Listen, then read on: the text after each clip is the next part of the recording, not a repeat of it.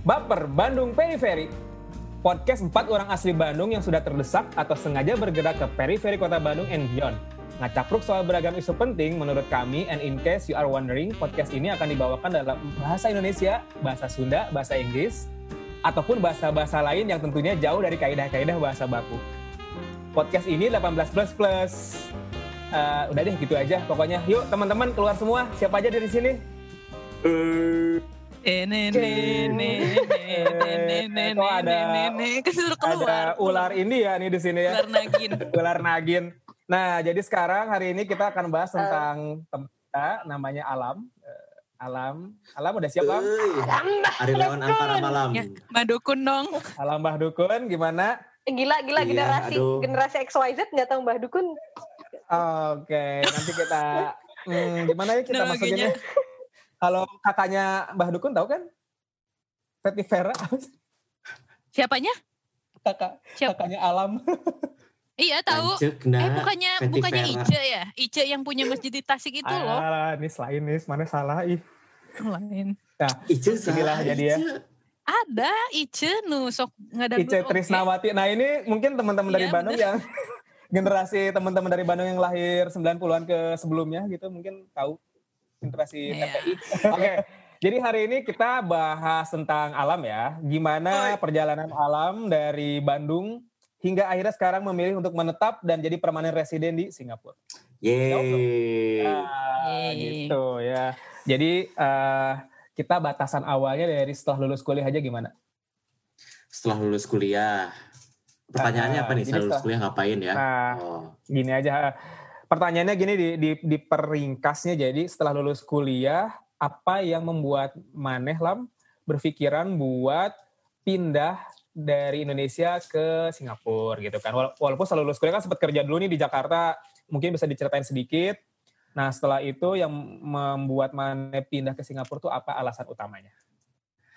Oke, alasan utamanya setelah lulus kuliah kalau mengaca ke belakang ya wawasan teh belum gitu luas gitu. Jadi Hmm. apa yang apa yang terbersit di pikiran sebagai cita-cita itu apa yang dilihat di kampus gitu. Dan waktu itu tahun berapa itu tahun 2008 ya kita lulus. Hmm. Hmm. Zaman krisis finansial di Amerika, Hmm.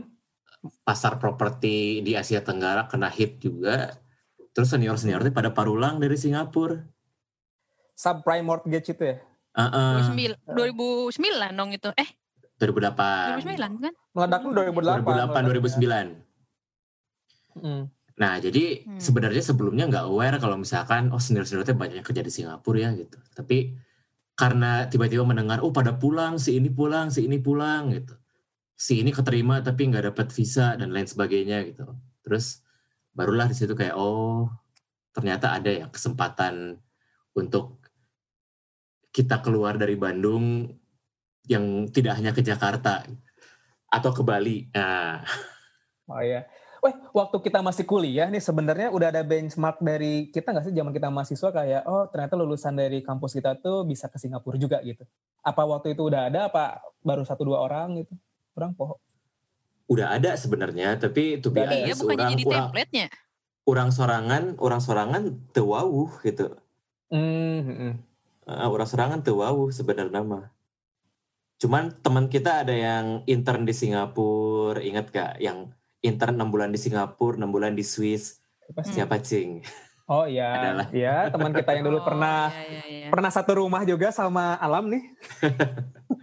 ya terus nah, teman kita ada yang pernah intern di Singapura Ah. jadi lumayan lah gitu oh ternyata ternyata Hmm. dunia itu luas ya Bu, Intinya gini ya. Ternyata oh, dunia itu sampai Singapura ya luas Iya. ya. Mana sih gak cerita si Kabayan lah, jika cerita Kabayan. eh, Ente, tapi ternyata orang ternyata orang Bandung kepake juga ya di Singapura ya. Gitu. Ya, tapi to be honest Bisa ya, bertahan. mun orang orang mengaca ke belakang gitu. Oke lah, orang boga boga pengetahuan tentang tentang geografi yang lumayan gitu. Tapi tapi first hand Hmm, experience orang-orang yang yang apa ya, yang keluar negeri dan dan tinggal di luar negeri itu orang nggak banyak gitu mendapati first hand experience kayak paling paling maneh tan gitu yang pernah di Brazil gitu kan terus sisanya ya orang-orang Bandung lagi aja gitu. Jadi bisa dibilang orang cukup kurung batok oke gitu bahwa Belum Cuman booming ya kalau yang langsung keluar-keluar gitu setelah lulus ya waktu itu. Ya nggak sih? Ya jadi pas pas sebelum lulus baru orang ek- terekspos sama itu gitu. Jadi Oh. orang merasa bahwa oh saya tidak mempersiapkan diri saya untuk bisa itu gitu.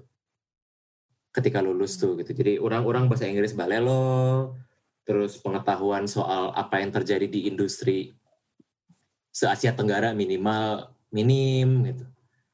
Jadi itulah kenapa karena kesempatan kesempatan yang tidak banyak juga karena lagi krisis semenjak begitu lulus kuliah orang ngedon di kampus lah nggak bantuan dosen nggak bantuan papur papur Dan itu nama dan- dosen kita lah gitu.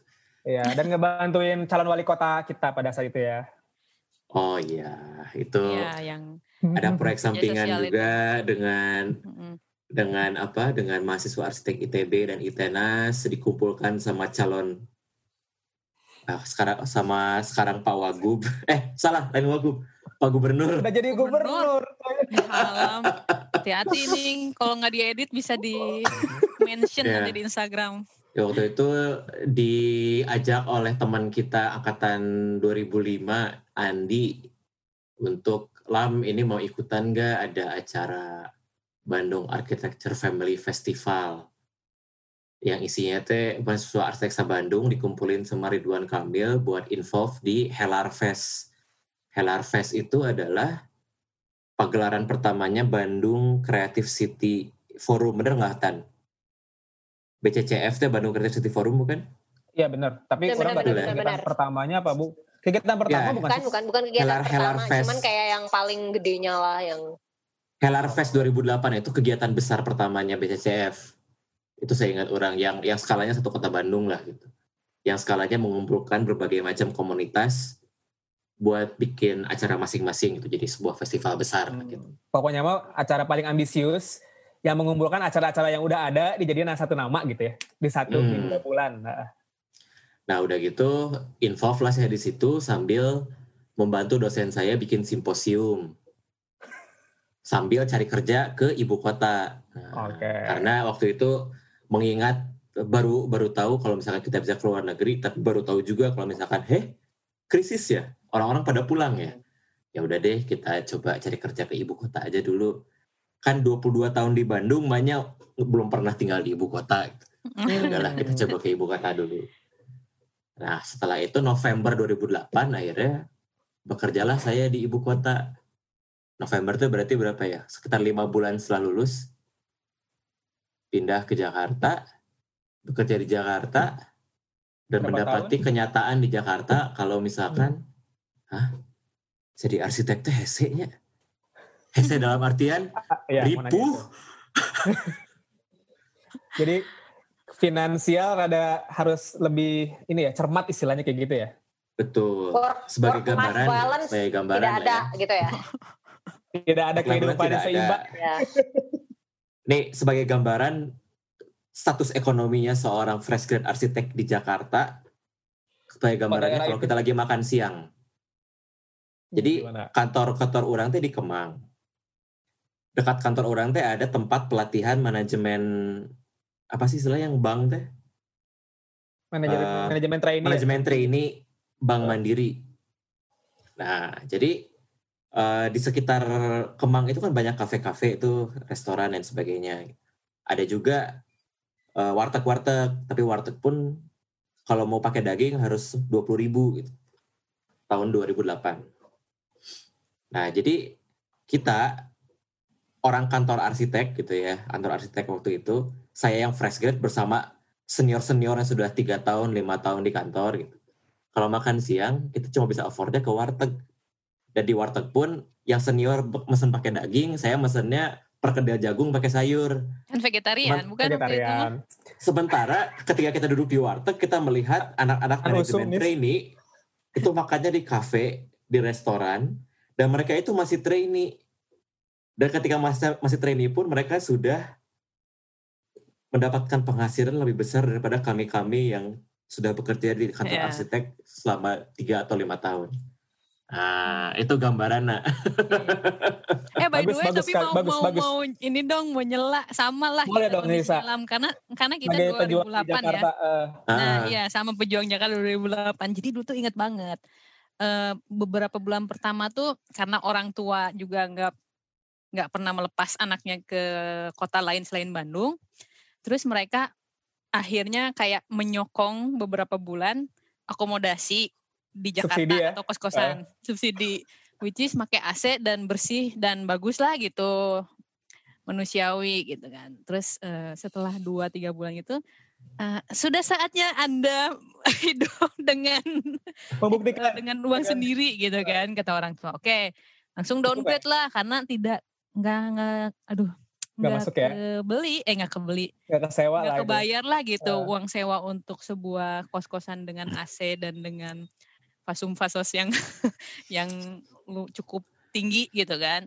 Akhirnya cari kos-kosan tanpa AC terus ya lumayan enak cuma tanpa AC dan kamar mandinya share juga. Nah seminggu setelah Hmm. itu langsung tipes gitu kan. Entah itu akumulasi dari gaya hidup tempat tinggal baru Jajan terus cuanki yang kurang higienis makan, kayaknya. yang gitu. Bukan jajan siomay ikan sapu ya di Jakarta ya. itu tipes gitu. Terus tipes. ah ini kayaknya memang kehidupan Jakarta gitu kalau misalnya dikumpul-kumpulin dari gaya hidup tempat tinggal terus em, perjalanan gitu udara dan sebagainya kayaknya mah mau survive ya gitu kan tahu nggak solusinya apa waktu itu supaya Apa? bisa lebih Ekonomis, dignity-nya lebih oke eh, Kenapa? nikah lah Oh itu dia. Ada gong di situ. saya Cuang. saya perlu Oh. dibiayai lebih ini karena orang tua sudah melepas saya perlu tetap ada yang menyokongnya ya maksudnya ya oke ini ini jadi jadi men, menjelek-jelekan arsitek Jadi ini-. Menyambung dari cerita Nisa sebelumnya ya. Jadi alasan Nisa nikah salah satunya adalah ya nggak apa-apa itu jujur aja Nis ya. biar saya bisa tinggal di tempat yang ada AC AC. Asenan supaya asenan ada dua PK orang yang ngan hiji. Oh pada saat itu pada saat itu industri properti lagi turun tapi industri perminyakan enggak ya? enggak sih kayaknya Iya. sama sih ya so far dia aman-aman aja ya masih di, di angka seratusan per barel lah ya. Eh, masih Belum belum jadi 40 ya. Belum jadi kayak sekarang, 30. belum seribu Hmm. sekarang, iya. Gitu. Nah Gitu. gimana Alam? Kalau Alam sendiri nih ya setelah tahu kenyataan Jakarta ternyata tidak seindah apa yang diimpikan oleh orang-orang Bandung saat itu. Nah terus bertahan berapa lama dengan eh, menerima kenyataan seperti itu ya? Maksudnya kayak oh eh, ternyata eh, jadi desainer atau jadi arsitek itu tidak seindah namanya gitu. Maksudnya secara kehidupan harus tetap ini kan harus tetap terlihat fancy mungkin, harus tetap terlihat ya gimana pun juga kan kita punya punya style, punya gaya hidup dan lain-lain. Terus Kalau memutus- misalkan masih jadi bawahan, nggak perlu kelihatan fancy ya. Nah, Belum Ya. belum ketemu klien soalnya. Belum. Tapi waktu itu kan udah berorganisasi kan, udah Nah, dengan Ya sebenarnya itu itu itu sesu- sebuah sesuatu yang penting sih sebenarnya orang di Jakarta. ah gimana gimana? Jadi Ya boleh. Fase dulu itu. di dulu di kampus itu kan saya orang berorganisasi pertama kalinya di kampus. Jadi eh, istilah nama berorganisasi sih iya, tapi rada kurung batok oge tetap karena nggak di kampus unggul gitu. Udah gitu mulailah yang Bafes tadi berorganisasi di kalangan antar kampus gitu ya. Jadi kayak waktu itu mahasiswa yang masih tugas akhir atau baru lulus gitu, boleh merasakan bahwa bertemu banyak orang-orang yang berlainan lah. gitu. Nah, ketika Hmm. di Jakarta, pelipur laranya kehidupan susah secara finansial adalah eh, kekayaan intelektual, cie. Iya iya iya ya. Karena orang-orang tidak tahu apa apakah yang sama terjadi di Bandung juga ketika waktu itu gitu ya. Karena kan saya tidak bekerja di Bandung gitu ya. Mm-mm. tapi eh, komunitas arsitek arsitek arsitek di Jakarta teh sangat hidup gitu yang orang rasakan pertama kali orang dibawa ke namanya belajar desain belajar desain teh diinisiasi sama Firman Herwanto dia teh lulusan arsitek UI 95 itu Hmm. bikin kayak forum-forum tiap beberapa sekali dalam beberapa bulan gitu Eh, kita ngumpul-ngumpul profesional muda saling sharing, saling debat, saling diskusi. Lalu ada lagi Jong Arsitek. Jong Arsitek teh Hmm. diinisiasi sama Dani Wicaksono Dani. dan kawan-kawan. Nasi apa? Boleh. Masih maaf lah. Ada yang mau Ayah, komen? se- ayah, Oh, ayah di sejarahna. Ada sejarahnya. So- banyak banyak sejarah ya Tandi itu. Oh, anjir. Ke- Apa kekurangan. ini? Apa ini? Nah, di situ terus eh, apa ya? Dari dari komunitas-komunitas itulah terbuka jalan untuk berhubungan dengan orang-orang yang punya pengetahuan lebih luas, punya jaringan lebih luas, dan punya cita-cita yang lebih tinggi gitu. Cita-cita yang lebih tinggi. Heeh, karena karena k- kalau mau terus terang gitu ya cita-cita orang teh sedikit demi sedikit ketika masih ada di Bandung masa gitu gitu kene cita-cita teh gitu ya hanya geus gawe terus eh, dapat duit gitu. pas ke Jakarta cita-citanya mulai mulai mulai rada naik gitu wah ternyata orang-orang teh bisa begini-begini ya Apa waktu itu? jadi eh, orang-orang itu mul- ada ada banyak arsitek yang yang punya punya apa? Punya punya istilahnya apa ya? Punya Pergerakan, pergerakan. Visi punya pergerakan, punya visi lebih hanya sela- daripada selain selain daripada menggunakan arsitektur sebagai sarana profesi untuk mencari uang gitu. Jadi taruhlah untuk ingin memajukan ilmunya sendiri, ingin melakukan pameran-pameran dan lain sebagainya. Wah ini sigana sigana dunia ini tuh makin menarik gitu makin lama dan juga di ingin Jakarta mengubah lah, dunia ya. eh, di Jakarta lah orang bertemu banyak orang yang eh, sangat global gitu ininya apa outreach-nya dan outlook-nya jadi pernah tinggal di luar negeri pernah sekolah di luar negeri udah kembali lagi ke Indonesia punya network di luar negeri. Dan orang melihat orang-orang itu tuh sehingga wah ternyata dunia ini tuh semakin dijalani semakin luasnya. Gitu.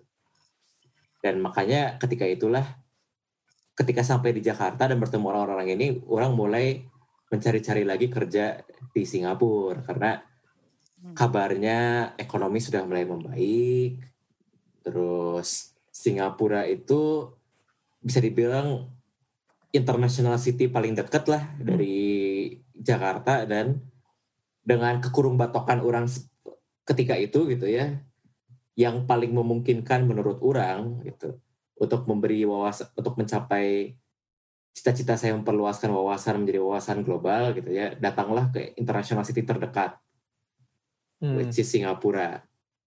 Dan ketika itu berkat kumpul-kumpul di Jong Arsitek itu ada beberapa teman yang berhasil ke Singapura duluan. Eh, salah satunya ini teman namanya Didit. Loh, ada lagi Nah, historinya. Udah. terus eh, Kita hitung ada berapa nama di sini yang ada sejarahnya. Satu, dua. Udah dua ya. Anjir. Brengsek anjir lam. Alam dari dari harus- videonya terbahak-bahak ya, tapi tidak terdengar dia. Eh, ya. ini inside joke Kemudian kayak- orang nggak akan ngerti, oke? Inside Tapi joke. dengan ada. kita mengarah ke nama si Tanti itu orang mengerti ya ada apa itu. Dengan network Hmm. orang yang bertemu di Jakarta ini, mereka menyebar-nyebar ke mana-mana, satunya ke Singapura. Dan berkat network orang yang di Singapura inilah, orang bisa datang ke Singapura. Karena belakangan gitu setelah masuk dunia kerja lebih jauh, yang paling gampang untuk Anda mendapatkan pekerjaan adalah rekomendasi dari teman Anda yang sudah masuk ke ke, ke company itu duluan gitu ya. Hmm. Nah, jadi waktu itu si Didit itu sudah masuk ke sister company-nya company orang pertama di Singapura.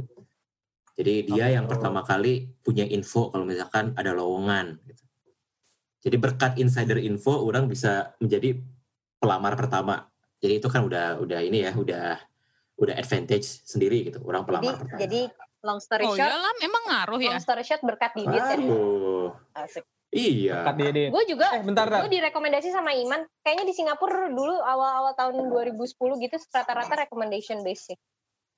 Iya. Sampai Ini sekarang pun Gitu ya. uh-uh. Hmm. Ini ini tuh berarti rekomendasi dulu baru berangkat atau berangkat dulu baru cari-cari Enggak, enggak, enggak, di Indonesia scoutingnya. Jadi misalnya ini kita Oh, kita iya, di iya. rekomendasi nih ada yang namanya Alam. Alam nanti suruh email tapi di sana udah tahu oh ini Alam dari misalnya Didit gitu. Nggak biasanya tuh Oh. gini, Li, yang yang kita setelah setelah jadi setelah lama di, di corporate gitu ya. Ketika kita butuh manpower, kita pasti nanya dulu sama Hmm. orang-orang yang udah ada di kantor gitu. Hmm. Punya rekomendasi nggak yang lu percaya dan bisa bisa bekerja bareng lu gitu. Karena Oh gitu. eh, karena eh, yang paling mudah menjaring orang yang oke lah kalau bisa ada pelamar-pelamar yang kita, kita tidak kita kenal gitu. Kan bisa dibilang gambling gitu ya. Hmm, Jadi hmm. benar nggak nih orang ini fit dengan tim kita? Benar nggak orang ini seperti apa yang dia katakan dalam CV-nya gitu? Nah, tapi kalau misalnya kita via rekomendasi dari staff kita atau kolega kita yang sudah di kantor, itu sudah ada satu layer layer Yang dilewati dulu ya? gitu. Eh, eh, yang dilewati gitu. Jadi kita udah oke. Berarti job diper- vacancy-nya nggak dipublish lam kalau gitu. Nggak, nggak dipublish. Oh, oh, itu nggak adil dong sebenarnya. Nggak Oh, adil, ya. makanya semenjak 2011, setiap ada job vacancy itu harus dipublish di, ya ini Iya. buat buat nanti ya. Ya. Sebe- Semenjak ditulis 2011 di Singapura, job vacancy itu oleh company harus dipublish di satu satu web pemerintah selama 14 hari dulu sebelum oh, gitu. Dilepas ke kayak job street atau apalah. Street. Hmm. Biar apa sih itu 14 hari? Untuk 14 hari itu cuma bisa diakses oleh citizen dan permanent residents. Jadi itu Oh, untuk diutamakan melindungi Oh, untuk melindungi eh, apa namanya security mereka. job security orang-orang dalam negeri gitu istilahnya. Hmm. Hmm, gitu. Ya jadi balik Di lagi ke tadi Oh ya. Jadi dari Bandung ke Jakarta, istilahnya mah Bandung kurung batok kene gitu ya, rada, rada expand sedikit lah pengetahuannya, wawasannya. Datang ke Jakarta makin berkembang wawasannya, sampai akhirnya dari network Jakarta bisa punya network yang bisa membawa orang ke Singapura. Gitu. Oh, jadi Nah. membuka networking di Jakarta akhirnya bisa istilahnya dapat orang dalam buat membawa ke Singapura gitu ya. Iya. ada jaringan itu. Bagus juga. Jadi eh tapi itu direncanakan nggak sih sebelumnya lah maksudnya buat membuka networking di Jakarta apa maneh? Ber- berjalan aja deh misalkan setelah lulus kuliah ya udah di Jakarta wak- waktu ngelamar di Jakarta nggak ada kepi- kepikiran mau ke Singapura atau ke mana gitu. sebenarnya itu ya se- sehingga seperti tidak tidak tidak inspiratif gitu ya kalau mengaku ini tapi benar-benar orang blank sih ketika ketika lulus kuliah itu gitu. Jadi sedikit demi sedikit si cita-citanya di align di realign realign realign gitu Oke. Hmm. Ya ya ya. ya. Jadi walaupun akhirnya kalau misalkan ngelihat dari sekarang gitu ya perjalanan karir orang sehingga lurus pisan gitu sampai akhirnya jadi arsitek keneh gitu ya Aman. aman Bagus, aman. konsisten, istiqomah lam. Itu Istiqomah. yang perlu Iya, di- padahal kita- padahal tidak direncanakan untuk itu sebenarnya nih gitu. Kalau misalkan ngaca ke, belakang, padahal orang ge merealign tujuan orang sedikit demi sedikit gitu. Tapi Hmm. entah kenapa jalannya akhirnya lurus gitu. Wes, segala segala lain teh Eh, jalan yang tidak benar gitu ya. kita juga semuanya mah kita mah pengennya istiqomah ya kita semua berempat di sini ya. Iya, Cuma di tengah jalan, nah kenapa Di nih banyak jalan. belokan, banyak ini jalan tikus. banyak jalan tikus yang menawarkan ini jalan pintas. Hmm. Oke kita balik lagi ke Singapura lah. Nah lah waktu itu kan udah di Singapura nih. Eh dari Jakarta eh, tahun berapa berarti tahun 2000 2010 2010 berarti dua tahun ya di Jakarta ya. betul. Nah, waktu itu kan di Jakarta, eh di Singapura sendiri dulu nih. Nah, setelah itu kan Mane memutuskan untuk menikah di eh, dengan istri yang sekarang. nah, waktu itu tuh eh, Asih itu udah ke Singapura atau masih di Jakarta sih waktu nikah tuh? Jadi eh, ketika kita pacaran tujuan kita adalah keluar dari Bandung salah satunya gitu. Karena Oke. kita merasa bahwa orang tidak tidak mengenal terlalu banyak orang yang bisa menginspirasi gue keluar Bandung sebelumnya gitu. Jadi sekarang setelah mengenal orang-orang ini gue pengen keluar Bandung gitu. Hmm. Gitu kayak ah udah kayak ngasaan gitu. Masa darah Minang di setengah Minang saya tidak di Oh tidak iya, yang dikeluarkan gitu kan. Benar-benar. orang Sundanya aja yang kuat gitu kan. Kalau di Bandung weh gitu kan di Bandung ge segala gitu. Iya, iya. Ya, Padahal ibu Di saya Ba- orang Minang gitu. Hmm. di Bandung pacaran gak nyampe satu kilo ya rumahnya ya. Yoi. Ekonomis. Deket lagi. Ekonomis. Bosen jadinya ya kalau Mau ngantarkan balik di kampus teh kudu ka kopo terus balik imah gitu ta. Aduh. tinggal nyingcet. Nah, jadi waktu itu pas orang ke Jakarta, Asi masih menyelesaikan eh, tugas akhir. hmm, di Bandung. Pas orang pergi ke Singapura, Asi selesai kuliah di Unpar, ITB-nya udah selesai lama kan ya. Hmm, Terus dia dapat kerjaan di Jakarta. Jadi progresi nanti gitu gitu. hmm, Hmm, Jadi juga orang ya. orang ke Jakarta, Asi masih di, di Bandung di Unpar. ITB-nya udah beres gitu ya. Terus pas orang ke Singapura, si Asi menyelesaikan Unpar, dia ke Iya, Jakarta. Jakarta. Oh, Oke. Dan akhirnya kita menikah, baru si Asi pindah ke Singapura. Gitu. Hmm, jadi pas sih sebenarnya belum belum belum pindah ya waktu itu belum ada kerja di Singapura juga ya. Belum. Dan, Hmm. aduh ini Eh, mah rencana rencana Allah mungkin ya. Waktu itu teh semesta. company-nya company-nya Asih di Jakarta itu kan eh, majalah. Nah, si parent company majalah ini tuh punya punya franchise title di Singapura juga gitu. Jadi ketika sudah menikah dia bisa minta pindah eh, saya bisa dipindahin ke ke ini enggak ke franchise-nya majalah yang ada di Singapura enggak cenah gitu. Dan kebetulan ada lowongan juga sih. Jadi, Oh, Stars aligned lah ketika itu. Pas timingnya. Akhirnya bertemu di satu kota ya. Setelah tadi beberapa tahun nggak pernah ketemu nih, pacaran selalu jarak jauh. Iya, iya. Nah, akhirnya tahun berapa? Akhirnya eh, benar-benar memutuskan berkeluarga di Singapura tahun 2011 ya. Eh, ini kan Enggak, 2011. jadi menikah akhir 2012, tiga Oh, bulan 2012. pertama menikah masih long distance Hmm. karena menunggu menunggu asih supaya Hmm. supaya bisa pindah lah waktu itu kesempatannya baru ada setelah tiga bulan kita Tiga menikah. Akhirnya setelah tiga bulan ya kita tinggal di Singapura lah berdua. Ketika itu orang geus dua tahun berarti. Oh, oke. Jadi orang dua tahun lah single di Singapura. Sudah itu di Singapura bersama istri. Nah, Tuh. ini yang ingin ditanyain juga nih. Eh, setelah ber- berkeluarga berdua nih, sebelumnya kan cuma sendiri ya tinggal ya. Sekarang berdua. Nah, ada kesulitan nggak sih eh, untuk berkeluarga di sana sebagai keluarga muda waktu itu ya? Eh, kayak mung- mungkin kayak mencari tempat tinggal atau izin tinggal atau apa pun itu. Tantangannya apa sih? Pertama izin tinggal kali ya. Hmm. Jadi waktu Hmm. itu, jadi kan si izin kerja di Singapura itu kan berlapis-lapis gitu. Jadi ada yang namanya IP, Hmm. DP, SPAS, WP dan lain-lain lah. Jadi waktu itu kesempatan yang paling mudah adalah kalau misalkan gaji mencukupi, itu eh, i- spouse mau itu suami atau istri itu datang ke Singapura dengan dependent pass.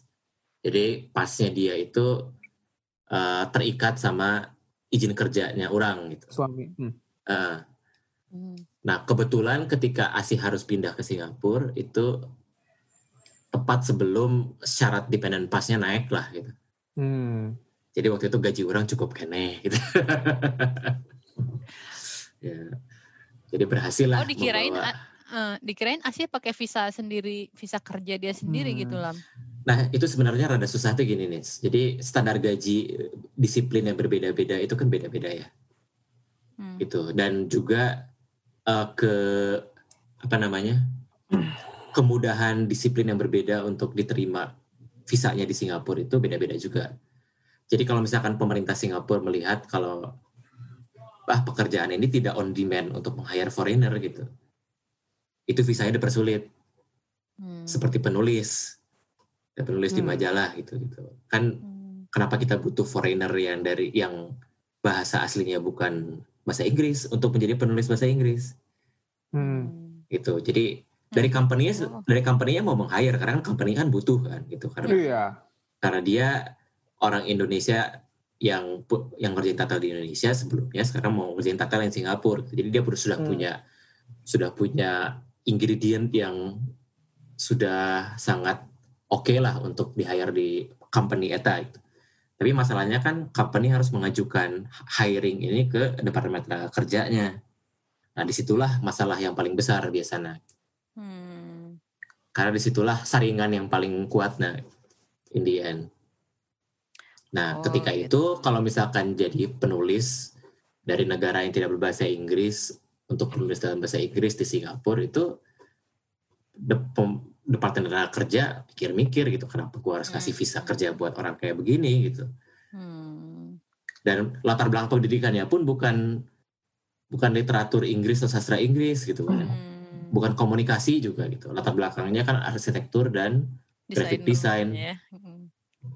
Itu jadi ya paling mudahnya adalah mengaitkannya dengan pas orang jadi dependent Hmm. pass Hmm. gitu Itu susah juga ya visa di sana ya.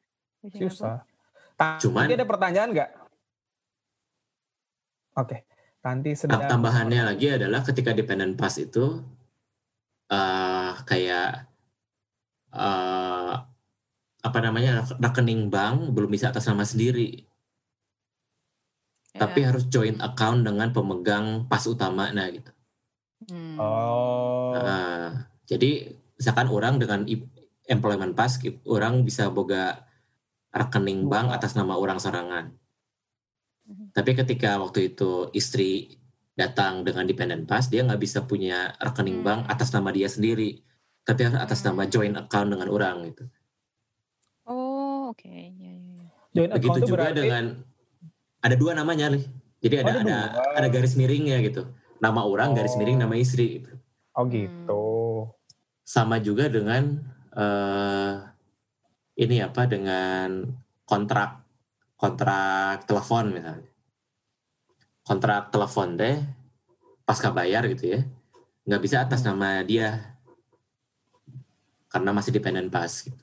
Dependent pass cuma bisa pakai prabayar jadi kan nggak usah nggak usah nggak usah penerangan kontrak kan Hmm. jadi banyak banyak ininya lah. Di satu sisi cara termudah untuk kita bisa bergabung bersama di Singapura gitu ya. Di satu sisi ada ada down ini Tapi juga. sebenarnya mah Ada ya technically sama aja kok di mana pun harusnya ya nggak tahu tuh Nisa dulu mungkin langsung dari kuliah langsung dapat kerjaan eh suryanya atau kayak gimana kayak karena gue juga nyari-nyari kesempatan di Australia sama in the end even though misalnya company-nya menginginkan lo company-nya harus bisa naik banding ke Departemen Tenaga Kerja. Why do you have to hire someone from Indonesia? Emang nggak ada di Australia gitu. Jadi kayaknya di dan dan ada bracket bracket gaji gitu kan. Kalau misalnya orang Hmm, ini hmm. dibutuhkan banget, berarti minimal lu sebagai perusahaan meng-hire dia kalau dia orangnya pro banget sehingga maneh butuh untuk dia pindah ke negara maneh, berarti gajinya minimal segini lah gitu. Sebagai expat yang Hmm, profesional dianggap eh, expert gitu kan. Makanya ada si bracket-bracket gaji itu kan, semakin lama semakin naik. Which is ya orang sempet ngecek-ngecek Australia juga benar sama kayak gitu. Tapi mungkin di Australia enggak belum ada kayak semacam kalau di Singapura kan yang di marak, eh, ya masyarakat setempatnya warlock warlock minta men- me- me- mengutamakan dulu warlock kan Kenapa? daripada ekspat Nah, gitu jadi mungkin jadi semakin sulit lah ternyata menarik sih, eh, Lih, eh, Nis dan Tanti. Jadi Hmm. eh, waktu itu pemilu di Singapura 2011. Waktu itu teh semenjak 2008 setelah financial crisis, tiba-tiba economic recovery itu menggenjot eh, hiring foreigner sangat pesat gitu. Data datanya pun menunjukkan demikian gitu, bukan cuma apa yang dirasakan warga lokal unggul gitu. Nah jadinya yang digoreng isunya ketika general election 2011 itu adalah anti foreigner. Hmm. Nah, makanya setelah selesai selesai election 2011, waktu itu partai berkuasanya kehilangan kursi lumayan banyak, walaupun masih kenehnya nyaholah gitu ya Singapura gitu ya, 70% ke atas gitu. Partai berkuasa aja kan suaranya. Ya mereka mulai memperketat syarat-syarat eh, hiring buat foreigner Hmm. gitu. Jadi syarat employment pass gajinya dinaikkan, syarat dependent Oh, pass gitu. nomor tiga tadi itu dinaikkan. Terus ayeuna lamun misalkan aya batas ambang bawah employment pass teh gitu nya semenjak 2012 teh itu teh untuk yang fresh graduate gitu. Jadi Hmm. minimal gaji buat employment pass teh A itu tuh buat fresh graduate segitu teh. Jadi kalau misalkan ada orang dari Indonesia misalnya udah pengalaman tiga tahun gitu ya tapi dia mau di hire dengan harga minimal harga minimal employment pass mau libere gitu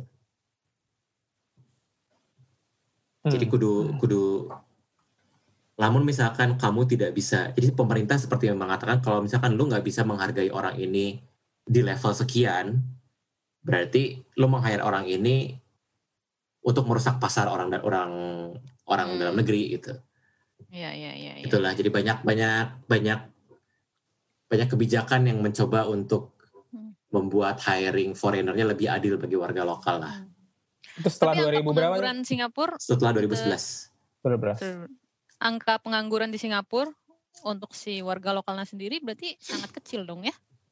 Karena sama pemerintahnya sendiri kayaknya diprioritasin banget untuk dapat kerja. Ya, to be honest, orang tanya sih seberapa eh, angka penganggurannya. Cuman ya karena memang pemerintah di dia mendapatkan legi- legitimasinya dari how well they they perform to take care of the citizen lah gitu ya. Ya kebayang lah gitu, negara segede Jakarta dengan populasi setengahnya itu ya gampang diatur kan ya gitu dan orang-orangnya segitu-gitu juga gitu. Jadi ke kebayang nggak kalau misalkan negara sekecil ini pemerintahnya korup ya kelihatan lah gitu. Orang karek mau ngomong nomor gas. Jadi birokrasi juga nggak terlalu ribet ya untuk urusan gitu ya. Jadi lebih apa eh, eh, kebijakan-kebijakannya kayak lebih implementatif aja kali ya. Betul. Dan no orang no orang rasakan di Singapura teh bahwa karena karena pergerakan orang dan pergerakan barang itu sangat sangat mudah dikontrol gitu. Jadi data itu sangat sangat reliable. Sensus kalau misalkan bikin survei itu tidak ada misalkan kalau kita bikin survei di Jakarta atau sensus di Jakarta gitu ya banyak orang-orang yang eh, datang tidak punya KTP Jakarta dan seasonal datang ke Jakarta misalnya. Dan itu kan pertanyaan besar untuk sensus, ini harus gue masukin di mana gitu. Hmm. Jadi data yang kita punya itu data yang mana gitu kan. Nah kalau di Singapura tuh data penduduk semuanya jelas. Mana yang foreigner, mana yang statusnya PR, mana yang statusnya citizen jelas. Hmm. Terus Jadi di, di di luar pintu atau di jendela tuh suka ada stiker-stiker sensus gitu ya lam di Jakarta. gak ada. Cuma di kita doang nih di Indonesia. ada ada apa aja sih? Stiker sensus ya, stiker orari, terus Ferrari, KB, KB. nomor iya, gas gas PLN. nomor sekian, eh, PLN nomor sekian. Nomor gas. Eh Lam, Ya, menyambung tadi nih. Akhirnya kan akhirnya sudah maksudnya eh, Alam dan Asi akhirnya sudah bisa melewati birokrasi itulah ya. Pelan-pelan tadi udah bisa kayak me- eh, ya menjalankan lah ya syarat-syarat dan lain-lain. Nah, terus selanjutnya adalah kan eh, udah tahu bakal lama nggak sih waktu itu di Singapura? Kalau udah tahu bakal lama berarti maksudnya pilihan itu ada apakah akan terus dengan visa kerja atau jadi permanen residen tuh eh, kapan kepikiran oke saya harus jadi permanen residen nih karena untuk mendapatkan privilege uh, ter- uh, apalagi gitu atau uh, waktu itu belum kepikiran Jadi, aduh ini sangat tidak inspiratif oke merenya. Nggak apa-apa Sekali lagi, sekali lagi cita-cita kami itu tidak jauh gitu. ya Ya, itu we live, we live, we live for today and maybe like few few years ahead gitu ya.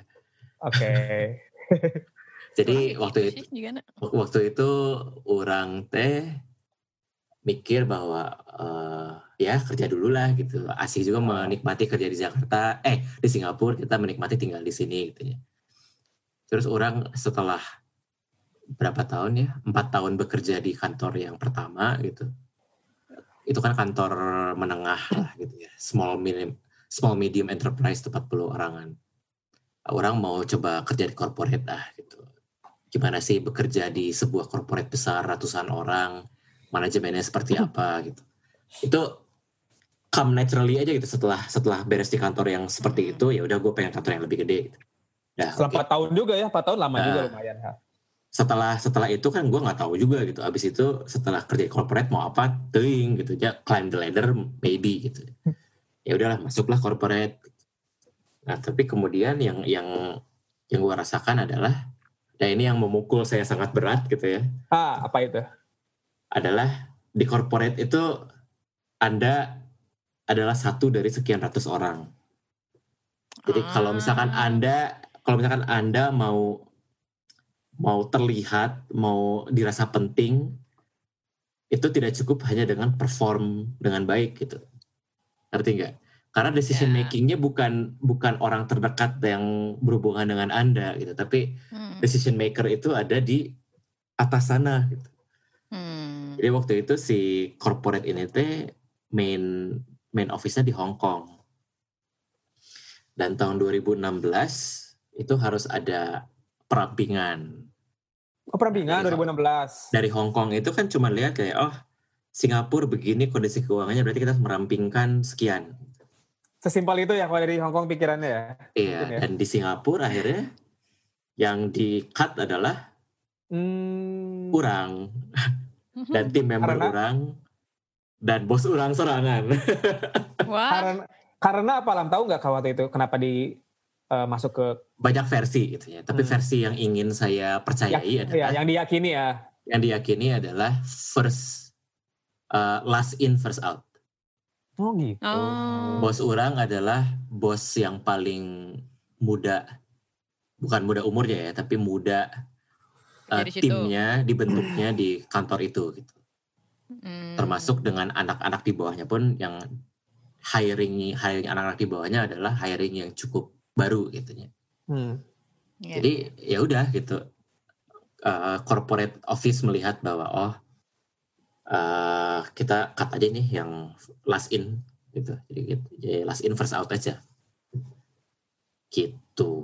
Karena ternyata ketika itu orang menyadari bahwa eh saya kan sedang mengerjakan sebuah proyek yang masih make money gitu. Hmm. Kenapa saya di Ya, jadi bukan Kenapa karena saya ditendang? performance-nya lah gitu. Uh-uh. Dan juga mereka punya cukup mesin mesin corporate untuk kalaupun orang yang mengerjakan proyek itu tidak ada lagi, pasti ada yang menggantikan gitu. Hmm. Karena karena mesinnya sudah siap gitu, mesin corporate sudah siap, semuanya sudah. Ya. Jadi anda-anda ini cuman cuman cuman baut-baut dan mur-mur aja yang bisa diganti gitu. Kecuali kalau anda jadi mesin yang penting gitu ya, jadi radiator atau apa gitu. Kaum buruh banget ya dianggap ini ya kita ya. Ya, oh enggak enggak gitu enggak gitu banget lah. Cuman maksudnya kalau di company yang lama gitu ya, karena cuma 40 orang gitu ya. Anda perform itu Anda kelihatan Kelihatan. sama bos besar gitu. Hmm, hmm. Kalau misalkan di sini 200 orang, 300 orang Anda perform yang lihat cuman bos terdekat. Yang bos terdekat pun posisinya tidak sesecure itu juga gitu. Karena masih ada bos office di Singapura, masih ada bos office di Hong Kong. Iya, ya, iya. begitulah. Tapi kalau misalnya di sana kena layoff setelah kerja bertahun-tahun dapat eh, dari dinas sosial gitu kan? Nggak ada. Walaupun Jadi nggak ada nih. Jadi citizen juga nggak ada. eh, yang diatur dalam dalam dalam undang-undang ketenaga kerjaannya di Singapura itu adalah yang penghasilannya eh, di bawah gitu. Jadi kayak pekerja Hmm. konstruksi, terus unskilled labor lah gitu. Kalau udah gajinya di atas margin sekian, si arurang kayaknya ya sudah dianggap namanya PMIT. PMIT teh Professional Manager Executive and TNA apalah gitu. Trainee Nah, yang bisa makan itu daging.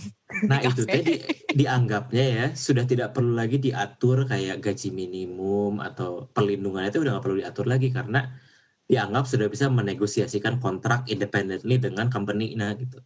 Hmm. Jadi nggak ada nggak ada undang-undang yang melindungi. Jadi kompensasi yang kita dapat adalah kompensasi yang kita setujui di kontrak dengan company karena kita sudah di atas bracket itu. Gitu. Hmm. Se- se- Selebihnya nggak ada lagi. Jadi Nggak ada lagi. Dianggapnya kita sendiri yang harus inisiatif aja ngebaca kontraknya dan lain-lain. Jadi kan kontrak orang misalnya ya waktu itu eh, kalau misalkan kit- saya mau eh, keluar dari company berarti harus one man notice. Hmm. Begitu Ya. pula dengan company kalau misalkan mau melet go harus one man notice gitu ya. Hmm. Dan kalau misalkan salah satu dari dua dua ini melanggar, masing-masing harus membayar sebesar one month juga gitu. Hmm. Mm-mm. Jadi yang company orang lakukan adalah waktu itu melanggar one man notice eta. Jadi orang ngan, ngan entitled Oh. untuk satu bulan, satu bulan gaji Hmm. karena itulah yang saya tanda tangani ketika itu.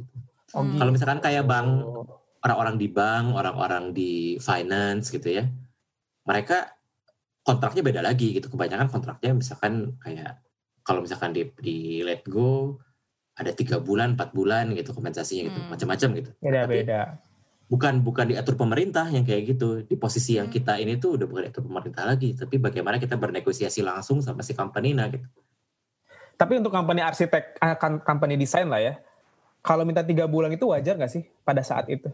Pada saat itu paling paling bantu lagi dua bulan sih. Dua bulan. Jadi Untuk memang, posisi yang bukan direktur gitu ya, atau yang Hmm. bukan petinggi lah gitu. jadi kebijakan itu tuh dianggap wajar untuk eh, segmen industri desain atau arsitek Ya. itu dianggap wajar sebenarnya. Segmen pegawai rendahan di industri desain. Oh gitu. oh ya ya ya. ya. Nah jadi nah, Heeh.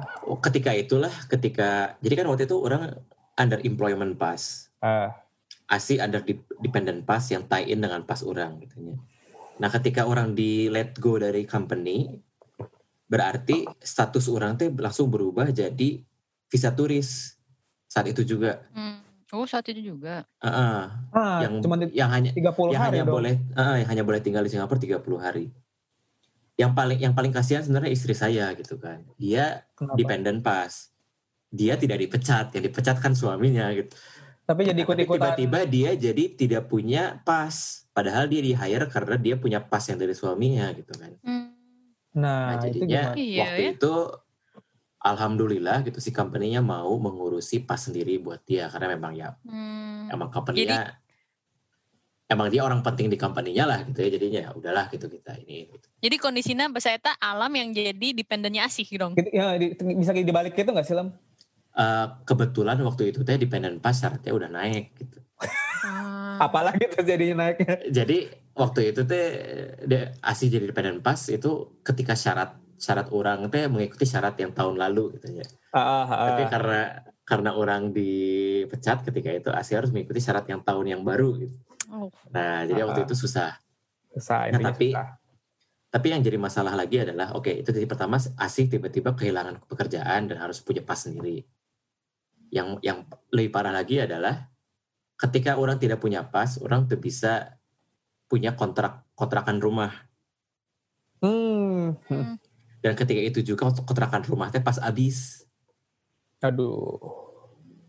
Jadi nggak bisa jadi cari makanya itu kehilangan, ke- kehilangan kehilangan pekerjaan kontrak rumah habis nggak bisa cari rumah baru jadi Iya. harus ngungsi Hmm. harus ngungsi dulu ke rumah teman dengan status visa turis gitu Hmm.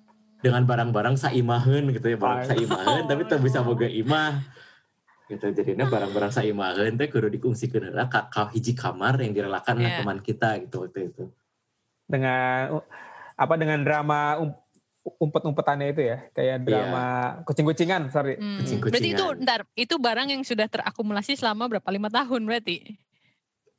tuh Iya kan? lima tahun 2000. Banyak ya.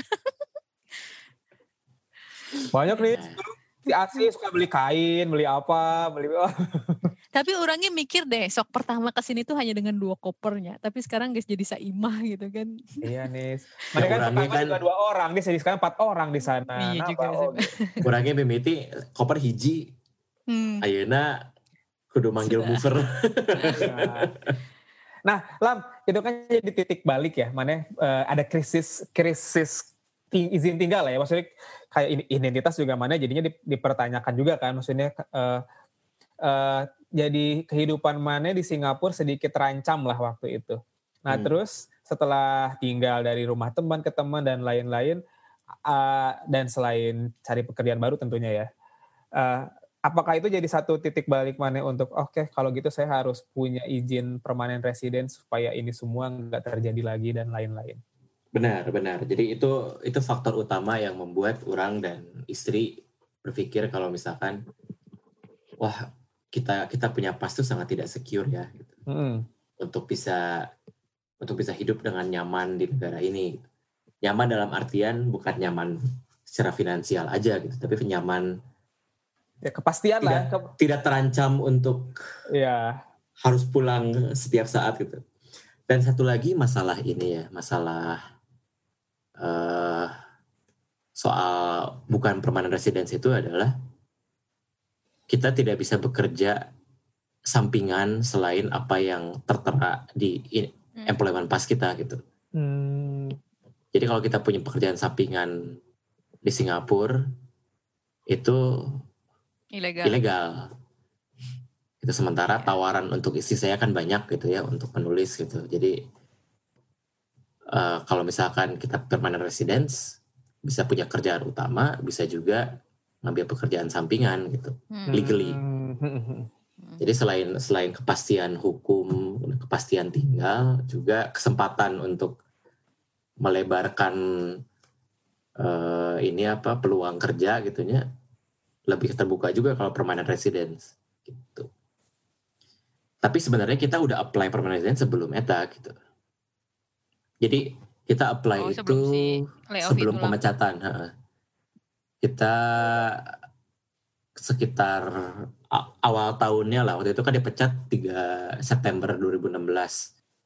Ya, jadi saya merayakan ulang tahun ke-30 ketika ketika September 2016 itu ketika saya tidak punya pekerjaan, tidak punya rumah.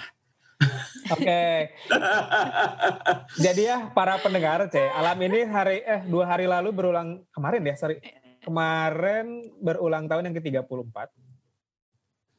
Iya, 34 35 sih Lam, 34 ya. 34 34. Nah, jadi empat di- jadi empat tahun lalu nih baru eh, kejadian kalau Ya empat tahun lalu itu kan kalau ketika orang lain men- punya selebrasi yang luar biasa ulang tahun ke-30 gitu ya. Tiga dekade Eh. di dunia. Orang ke terpuruk-terpuruk nah anjir aing teu boga gawe, aing teu boga Eh by the way tapi abis abis sebulan itu langsung dapat kerja lagi kan lah? Nggak nggak sempat balik dulu ke Indo kan? Enggak. Sempat balik ke Indo karena sakit gigi. Ya, ke si mama kita periksain gigi. tapi pulang ke Indonesia di, di rentang 30 hari itu apa Jadi rencananya adalah uh, istri pulang ke Bandung untuk menghemat untuk menghemat biaya, orang visaran ke Malaysia. Hah? Ke Orang Malaysia? visaran ke Malaysia. Visaran, visa lari. ya, tadi. Jadi keluar ke Oh, Malaysia keluar tinggal masuk. Tinggal seminggu dua minggu masuk lagi Singapura gitu riset. Heeh. Oh, jadi dapat 30 hari lagi gitu. Hmm. Iya, yang penting eh, wi- Orang ke Malaka tah, pas zaman eta kan. Orang geus siap-siap di hostel udah pesen Ah. buat dua minggu gitu ya. Dan di Melaka di hostel dua minggu aduh. Coba Karena bayangkan kalau- abis karena dipecat kalau- tapi bisa Tapi kan hostel gitu. Terus terus waktu itu kan lumayan lah ayat tabungan gini dan Malaka lebih murah daripada Johor Baru yang pasti. Iya, tadi orang baru mau nanya. Dan lebih lebih nyaman juga lah di Melaka ya, maksudnya Ya, maksudnya eh, lebih kompak lah kotanya lebih kecil, terus banyak atraksinya lah banyak. Tapi- bagus. Apa? terus pas di Malaka orang nyeri huntu. no kumur garam dong. nyeri huntu nanti gigi bungsu harus cabut itu mah yang Hmm. udah dicabut. Terus orang teboga duit. Ternyata mau di Malaysia tuh mahal. Jadi Ya, orang tuh teboga ember. duit yang nyabut gigi di Malaysia jadi duit nu aya teh nyanggeus orang kudu balik ke Bandung. balik ke si mama. sebagai mama sebagai dokter gigi ya Heeh. tinggal tinggal si aja, ibu teh membawa saya ke ke bekas muridnya langsung eh eh ini anak saya butuh dicabut oh iya dok gitu gratis beres. beres urusan Aduh. Ya nah gitu Jadi orang Jadi dua minggu. lah. iya. Jadi selain maksudnya rencananya berubah dong yang tadinya dua minggu di Malaka jadi berubah jadi tadina Trina menghemat uang gitu ya tiket ke Bandung buat istri aja gitu ya ah. nah, orang tiket bus ke Malaysia gitu dengan hostel naik yang murah bus loh ke Melakanya naik bus dua minggu di Ah. hostel niatnya. Tapi mana di Melaka jadi cuma berapa hari tuh? tiga hari gitu Sebelum jadi huntu ya. Oke. terus akhirnya tiba-tiba tiket ke Bandung buat istri bus ke Malaka ditambah tiket ke Bandung yang kurang oke gitu kan jadi iya, Karena iya bener. double gitu. Double. Ya emang kudu ulin mana ke Melaka. eh. Mm-mm. Harus menemani istri di Bandung. Akhirnya nih setelah balik lagi ke Singapura, mana nyari lagi berarti atau nunggu dulu di Bandung gak sih? Jadi mencari lagi itu rada susah ya gitu. Mungkin Hmm. bisa sih, tapi eh, mungkin butuh dua bulan atau tiga bulan merenya. Hmm. Saya menelan ludah sendiri. Saya mendekati mantan bos saya. Ah. Ke kantor yang 40 orang yang pertama tadi ya? Betul sekali. Oke. yang sudah kau Dan- tinggalkan. Eh, yang sudah saya tinggalkan, yang sudah saya lepeh awalnya. Sudah dicampakan. Terus Dan- kata dan bos ma- gimana? Kata bos, oh kamu mau balik lagi? Sekarang gini deh, sekarang gini deh, sekarang tulis essay rencana 2 tahun, 5 tahun, dan 10 tahun kamu di, di company ini. Baru baru saya pertimbangkan kamu untuk kembali lagi ke company saya. Asik. Eh, Nah, mana yang mana yang ngecapna naon lama dua Wah, ngecapnya luar biasa lah gitu ya. Dibantu Pokoknya- editor asih. Sekarang Saya akan menja- saya akan menjadi staff yang paling loyal sedunia. anjir jeng jeng datanglah 2020 di mana sudah PR. Bye. Itu loyal. Kata loyal yang di pertama kali diucapkan. 10 tahun. Tolong. Iya. Setelah itu udah kalau berapa? misalnya Sok sok sok nis. Satu tahun sembilan bulan jadi bos Oke, Nah. jadi mun gimana? orang jadi bos mana norek me- menerima anda nggak akan dikasih essay kayak gitu karena itu pasti semua bullshit Iya. ya Iya tuh tuh satu Kalau satu tahun sembilan orang- bulan kemudian dia cabut saya tak. nah kan Orang orangnya nyaho eta teh bullshit gitu ya. Dan orangnya nyaho si eta butuh orang gitu. Eh, ya jadi Ah. sama lah ya. Jadi ya jadi si eta butuh orang sebenarnya. Tapi si eta teh gengsi gitu. Soalnya bisa supaya orang gitu. Eh, ini eh. lah. Eh, anjir Jual tapi dikit. sia iya oke nyalam double dipping anjir. keluar Anjir, orang- masuk orangnya keluar awal- masuk keluar deui anjir. Orangnya awalnya gengsi sebenarnya gitu kan. Anjir lah. Tapi bakatku butuh ya. Bakatku butuh nyangges lah gitu telan ludah Si si eta oge bosna bakat butuh jadi sarua lah win-win solution. iya bagus Iya. dong sebenarnya Tapi ta- tahun itu tahu dari mana bos mana lagi memang lagi butuh. Butuh mana oke gitu. Intel. Se- karena pas orang geus pindah ke karena pindah ke corporate eta saya teh masih kadang bumi orang gitu. Oh. Ah. Cuma mana betah teu masih kene masih kene aya dek balik deui moal gitu. Cek aing oke naon kan gitu kan. Heeh. Nah, terus terus nih, pas udah satu tahun sembilan bulan cabut, nah itu gimana excuse-nya tuh? Iya, bos? mana gimana? eh, Apakah Anda memberi esai bahwa saya telah gimana gitu? Enggak. Langsung langsung ya alasannya adalah seperti saya sedang sa- sampai berat titik galau dalam hidup saya. gitu. Jadi, Bacot. Sisa sih. I don't I don't really I don't really convince anymore if I want to do architecture. Eh. Anjir apek teh bos Jadi- bos ya ini ngedengerin podcast ya. Wah ngerti. Semuanya. Eh, eh. Jadi orang teh pada pada teh orang orang Life crisis Orang gitu lah nya ceritana teh. eh, eh, orang saya life crisis kieu. Orang enak ya kesempatan buat off lah beberapa bulan cek orang teh. Jadi orang yang off Sabbatical dari kesannya gitu arsitektur. ya. Orang ngomongnya gitu. Orang Dari arsitektur dari bilangnya. arsitektur. bukan dari kerjaan di kantor tapi dari dari Ah, bidang, enggak. dari bidang So- soan arsitektur. sahabat Tapi Alam. tapi asli. tapi di saat yang sama itu sudah ada surat penerimaan Iya, PR. sebagai employee yang lain kan? Belum Waktu belum. pas belum. resign Bener-bener itu? waktu Oh, belum. bener-bener waktu itu orang Ah. hayang ngasaan di Singapura Oke. kan. hirup di Management Singapura itu. dititah balik. Nah, eta. Nah. Oh. eh, tapi ke si surat PR belum ada waktu itu kan? Udah ada. Jadi Udah, jadi makanya. ceritanya satu tahun sembilan bulan setelah saya kembali ke company itu gitu ya Hmm. dengan penuh gengsi itu Hmm.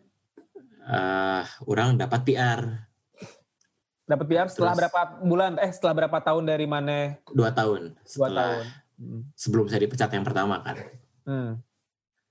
Nah, jadi si eta teh setelah dapat PR, setelah dapat kartu nah langsung orang melayangkan surat sakti dan langsung ngajak ngobrol bos-bos orang teh keur Dia tahu nggak dapat baru dapat PR? Oh. enggak enggak sebenarnya gini, orang teh beruntung kunaon cing.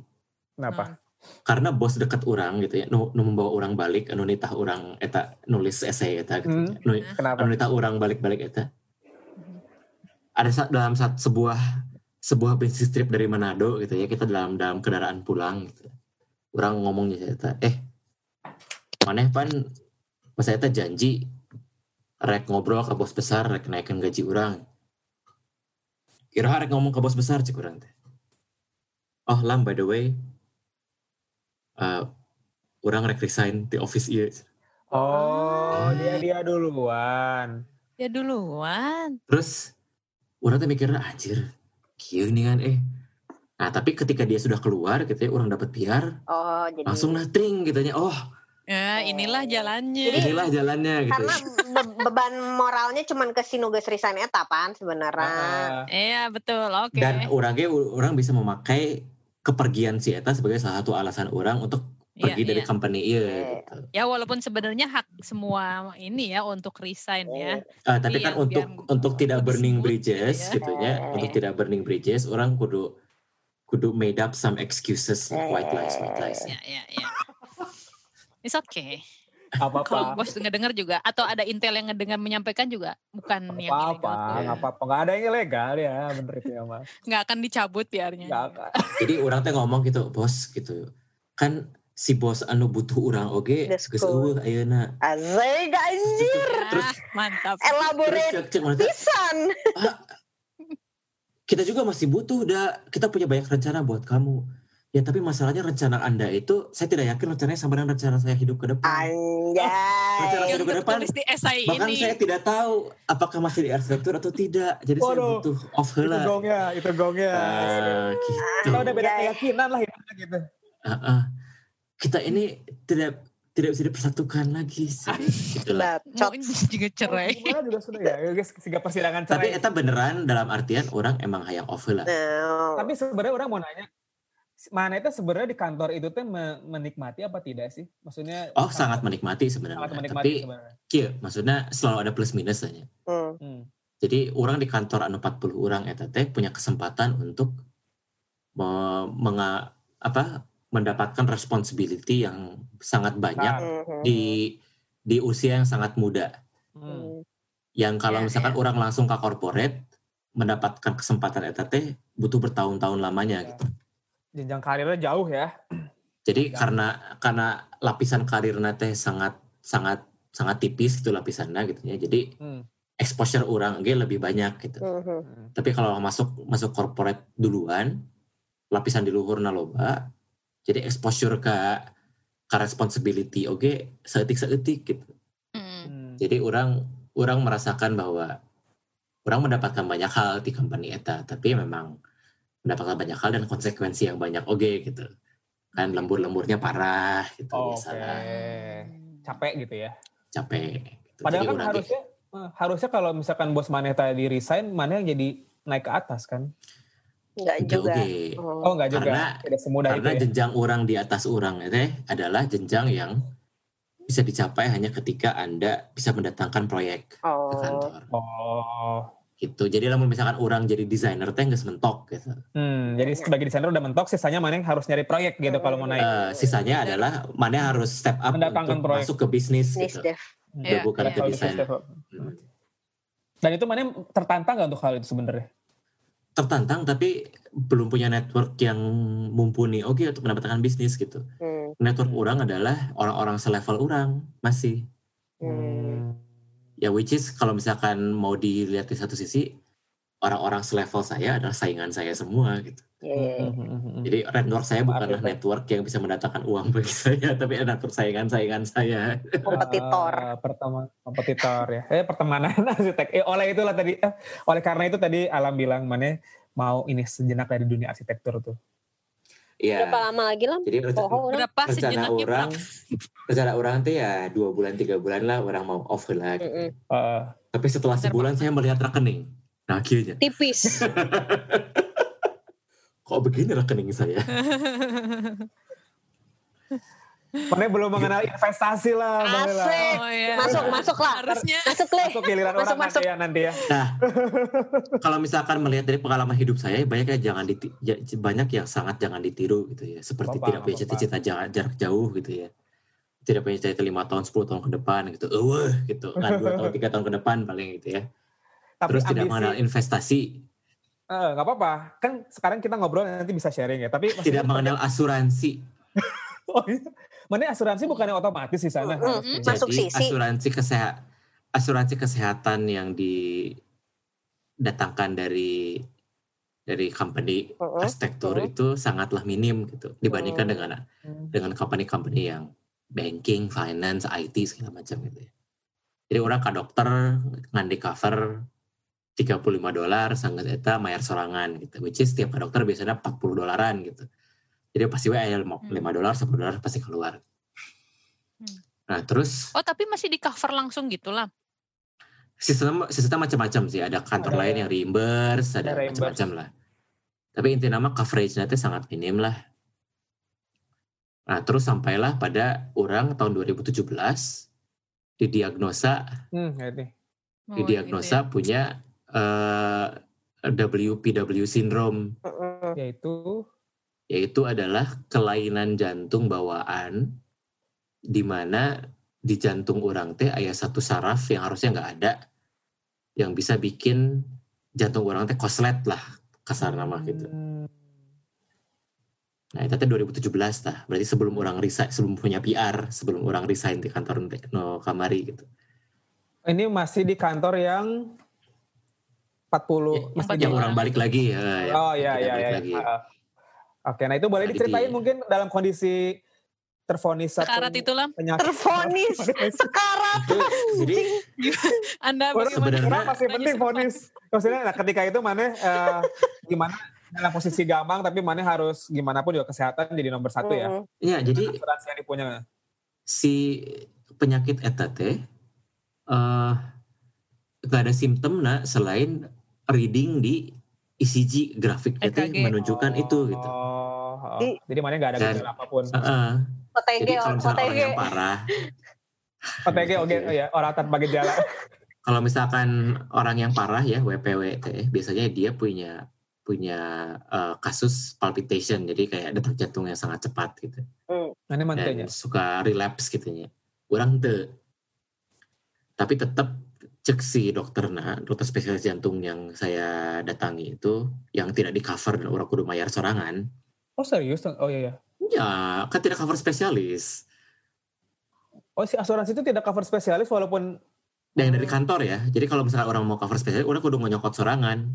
Sekali lagi waktu itu belum melek asuransi. Mhm. Nah, Eh, orang mau nanya dong sebentar, asuransi kantor tuh bukan asuransi mana kayak ke lembaga asuransi gitu?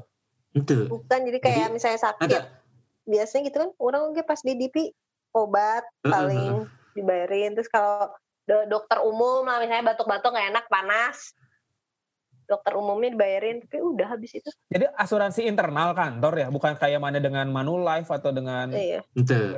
Oh, Jadi gitu. kantor orang ini kerjasama dengan bukan dengan perusahaan asuransi, tapi kerjasama dengan hospital ya hospital Ya. gitu. oh, jadi, gitu. Ayah, ayah chain di Singapura karena Raffles pan, Oh, Raffles Hospital, Raffles Medical dan lain-lain lah gitu. Jadi mau orang ke klinik Raffles iya karena Raffles iya teh bekerja sama dengan kantor orang, orang di cover 35 dolar gitu. Mm-mm. Gitu, Oh, Li. jadi Dan kalau misalkan mau dapat coverage asuransi yang critical illness lah atau hospitalization, udah kudu nyokot sorangan. Sekali lagi belum melek asuransi. ya. Umur 20 sekian itu belum melek asuransi itu jangan ditiru ya teman-teman ya.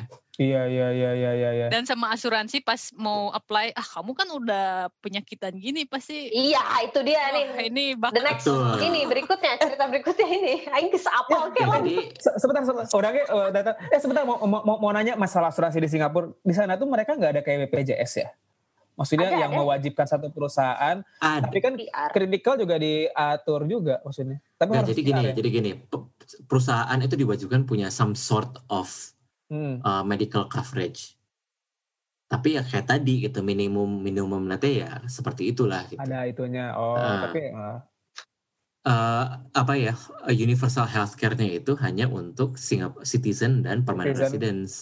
oh gitu ya pada ya. saat itu Iya. kasta anda masih di bawah Kasta belum iya Saya ya. masih foreigner ya, dalam employment pass. Balik lagi ke masalah jantung ya. balik lagi masalah jantung silakan Jadi waktu itu kan tidak ada simptom sama sekali gitu ya si detak Ah. jantung cepat ke tidak ada gitu.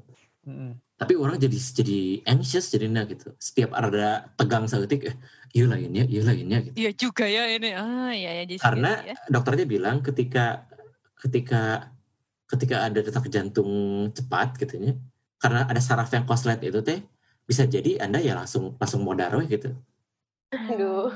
nah kalau misalkan teman-teman suka suka waktu itu dokternya bilang gitu ya kalau misalkan suka dengar kasus orang yang sangat sehat rajin olahraga tiba-tiba pas lagi main bola pas lagi nge-gym pas apa tiba-tiba gelepak gue jatuh Iya. jantung Haji Mas Said kayak ajaib masa itu ya.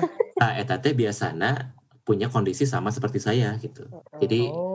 Ada kelainan saraf jantung. Cenah, cek dokter nanya. Duh, Apakah Ah. itu Mang- apakah itu benar menurut dunia kedokteran?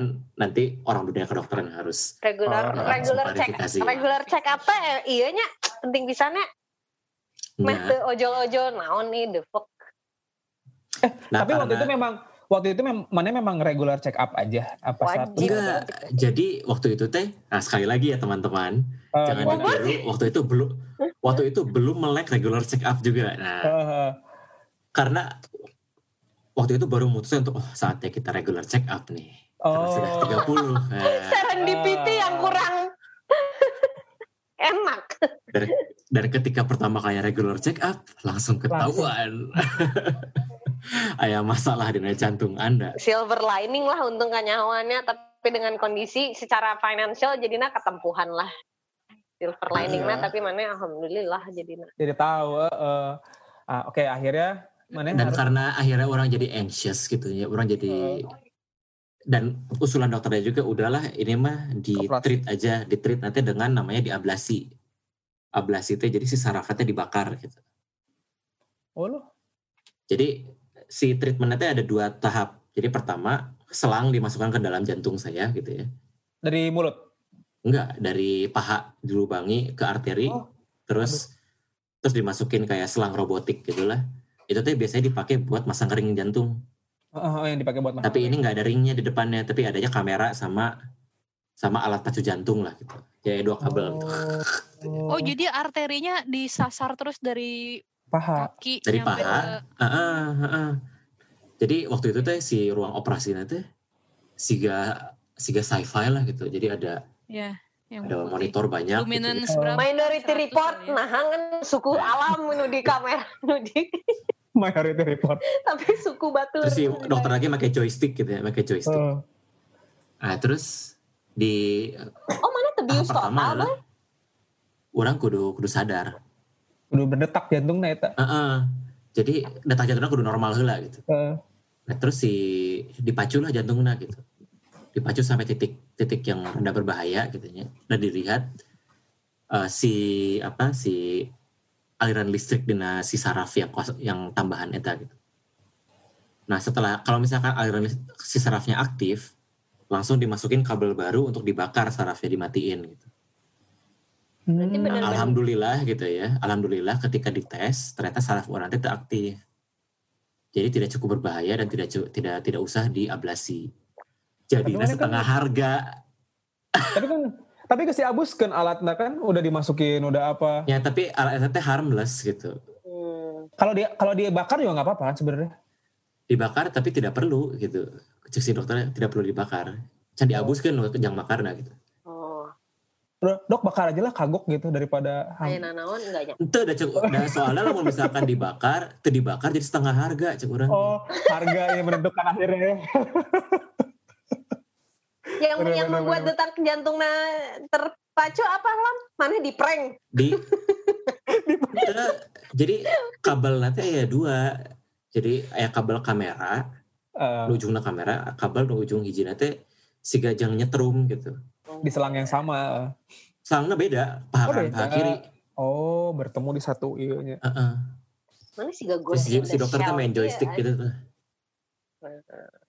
nah jadi nah orang kudu bayar ngan kudu bayar setengah harga Boleh sekali tahu lagi ya itu itu nggak itu nggak usah lah ya nggak usah nggak usah ngomongin harga kalau ini. tapi tapi bagi keuangan mana saat itu lumayan juga berarti kan. ah itu, ya itu parah maksudnya lah hit parah. hard karena Eh, pas lagi transisi eh belum belum belum karena belum. itu orang kakara kakara recover ti setelah pemecatan yeah, Heeh. benar benar benar Heeh. Ah Eta aya teh aya orang wae. kanyahoan teh kakara empat bulan setelah orang bergabung kembali dalam Ya. company lama teh ya, dan dan eh, bulan. ya. pengetahuan mungkin emergency fund juga udah agak-agak terkuras ya Betul sekali. Eh, Jadi teman-teman ya waktu itu kebayang nggak umur saya teh 2017 berapa tahun ya? 31. 31 tahun, Eh. belum melek asuransi, belum melek investasi, udah ada emergency dan fund juga belum melek belum melek kesehatan gitu. Cuma mengerti bekerja, Hmm. ya, ya, ya. cuma mengerti bekerja dan menabung, udah itu unggul gitu. dan masalah-masalah yang terjadi karena itu tuh banyak lah. Mencoba Iya, recap iya, dulu ya dari mulai impian, oke. Dari mulai impian mana buat yang asalnya menganggap kurung batoken dari Bandung terus mencoba ibu kota, mencari jaringan networking di ibu kota, akhirnya membawa alam ke sebuah tanah pengharapan baru, teh, tanah perjanjian. ya. Singaporean dream ya, Singapore dream ya. Jadi kayak Yes. akhirnya mana datang nyampe di sana dengan koneksi yang sudah dibangun di Jakarta. Ternyata tidak semudah itu untuk tinggal di Singapura. Akhirnya lewat lika-liku birokrasi dan lain-lain sampai men- menemui beberapa kendala termasuk kesehatan dan lain-lain sampai akhirnya sekarang akhirnya mendapatkan permanen residen kan. Sudah nih, semua Hmm. tahapannya sudah. Eh, kita ke pertanyaan tadi di awal tadi, apakah berniat untuk pindah kewarganegaraan? Nah, jadi untuk menjawab ini orang ada pengalaman yang harus orang ceritakan dulu. Maafnya boleh, boleh. tapi Nggak kedua. apa-apa. Ah, Jadi selama orang di Singapura, somehow orang teh kapake nanti untuk mengerjakan proyek-proyek di Indonesia. hmm. Jadi somehow ketika ke Singapura malah orang meluaskan network di Indonesia gitu. Dalam dalam artian banyak ketemu konsultan lain, banyak Hmm. ketemu profesional lain di Indonesia dan dianggap sebagai foreign consultant kan. Jadi orang ra- lebih dihormati lah gitu. Itu satu satu keunggulan pertama dari bekerja di Singapura kembali lagi ke Indonesia gitu ya. Dan tapi tetap di- tetap berada di bawah naungan perusahaan Singapura. Dan yang kedua adalah orang mengenal asosiasi profesional gitu di Singapura. Jadi orang aktif di Ikatan Arsitek Indonesia di Singapura yang ada cabangnya di Singapura lah.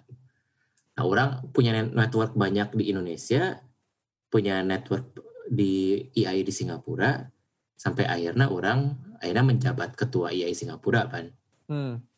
Nah, orang merasa bahwa kekuatan saya adalah sebagai orang Indonesia yang ada di Singapura gitu. Hmm. Yang punya link kuat terhadap ke Indonesia, yang punya banyak channel ke Indonesia gitu. Hmm. Sebagai warga negara Indonesia yang ada di Singapura. Ketika orang melepaskan kewarganegaraan Indonesia orang, advantage tahu nggak selingit. Gitu. Hmm. Jadi professionally menurut orang disadvantage buat orang untuk melepaskan kewarganegaraan Indonesia.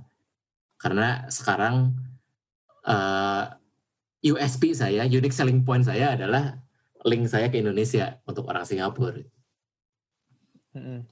Nah, terus yang kedua, eh, saya kan sekarang sudah tidak sendirian ya, sudah ada Hmm. istri gitu. Jadi alangkah lebih, alangkah perfectnya kalau misalkan kita bisa duduk di di dua kaki. Gitu. Jadi salah satu dari kita masih warga negara Indonesia dengan segala kelebihannya gitu ya. Salah satu dari kita yang lain bisa jadi warga negara Singapura misalnya gitu ya kalau Gila, misalkan gila, gila, gila. dengan segala inspiring.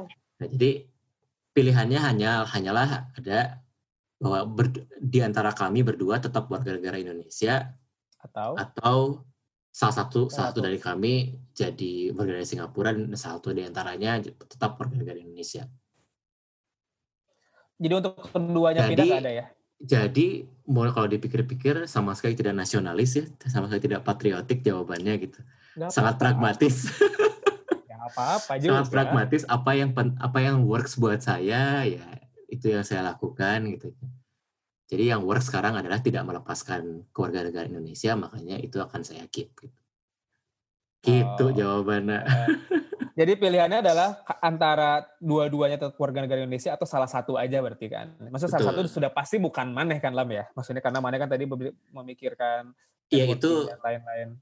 Itu kan as of now gitu ya jadi Hmm, sekali lagi teman-teman saya tidak tahu apa yang terjadi lima tahun 10 tahun ke depan Oh. gitu ya Eh, nah ini yang mau orang tanya ini sebenarnya lah. Set- eh, dari semua eh, apa ke- net- networking yang tadi mana sebutkan lah sebagai warga negara Indonesia jejaring di Indonesia dengan bekerja di Singapura, apa yang akan mana bawa ini dalam lima tahun ke depan atau 10 tahun ke depan itu? Apakah mana akan tetap seperti ini atau mana akan pulang ke Indonesia dengan membuka konsultan baru atau gimana?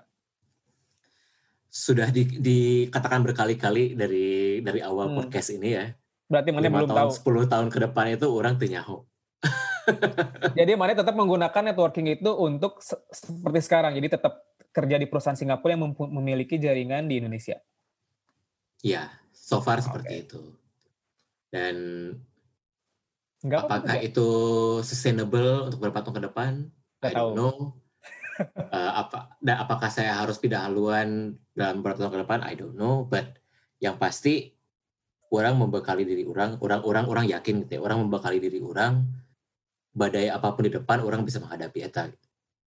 Iyalah, Jadi bagus. jadi jadi kumahanya ini bukan untuk ditiru oke sebenarnya tapi cara orang menghadapi masa depan adalah pokoknya orang equip diri orang supaya bisa menghadapi keadaan terburuk jadi apa pun nanti di depan yang terjadi yang orang tidak tahu gitu ya orang punya orang punya plan B plan C lah gitu untuk bisa punya contingency plan lah istilahnya gitu. tapi ya live for today itu mantra nasi gana Nggak apa-apa, nggak apa-apa. Justru menurut orang, hal yang seperti ini juga wajib ditiru juga ya. Maksudnya, jadi mana bisa berjalan beriringan antara ke- ketidakpastian, tapi mana juga bisa tetap eh, menjalani apa namanya ambisi-ambisi, bukan ambisi ya, impian kali ya.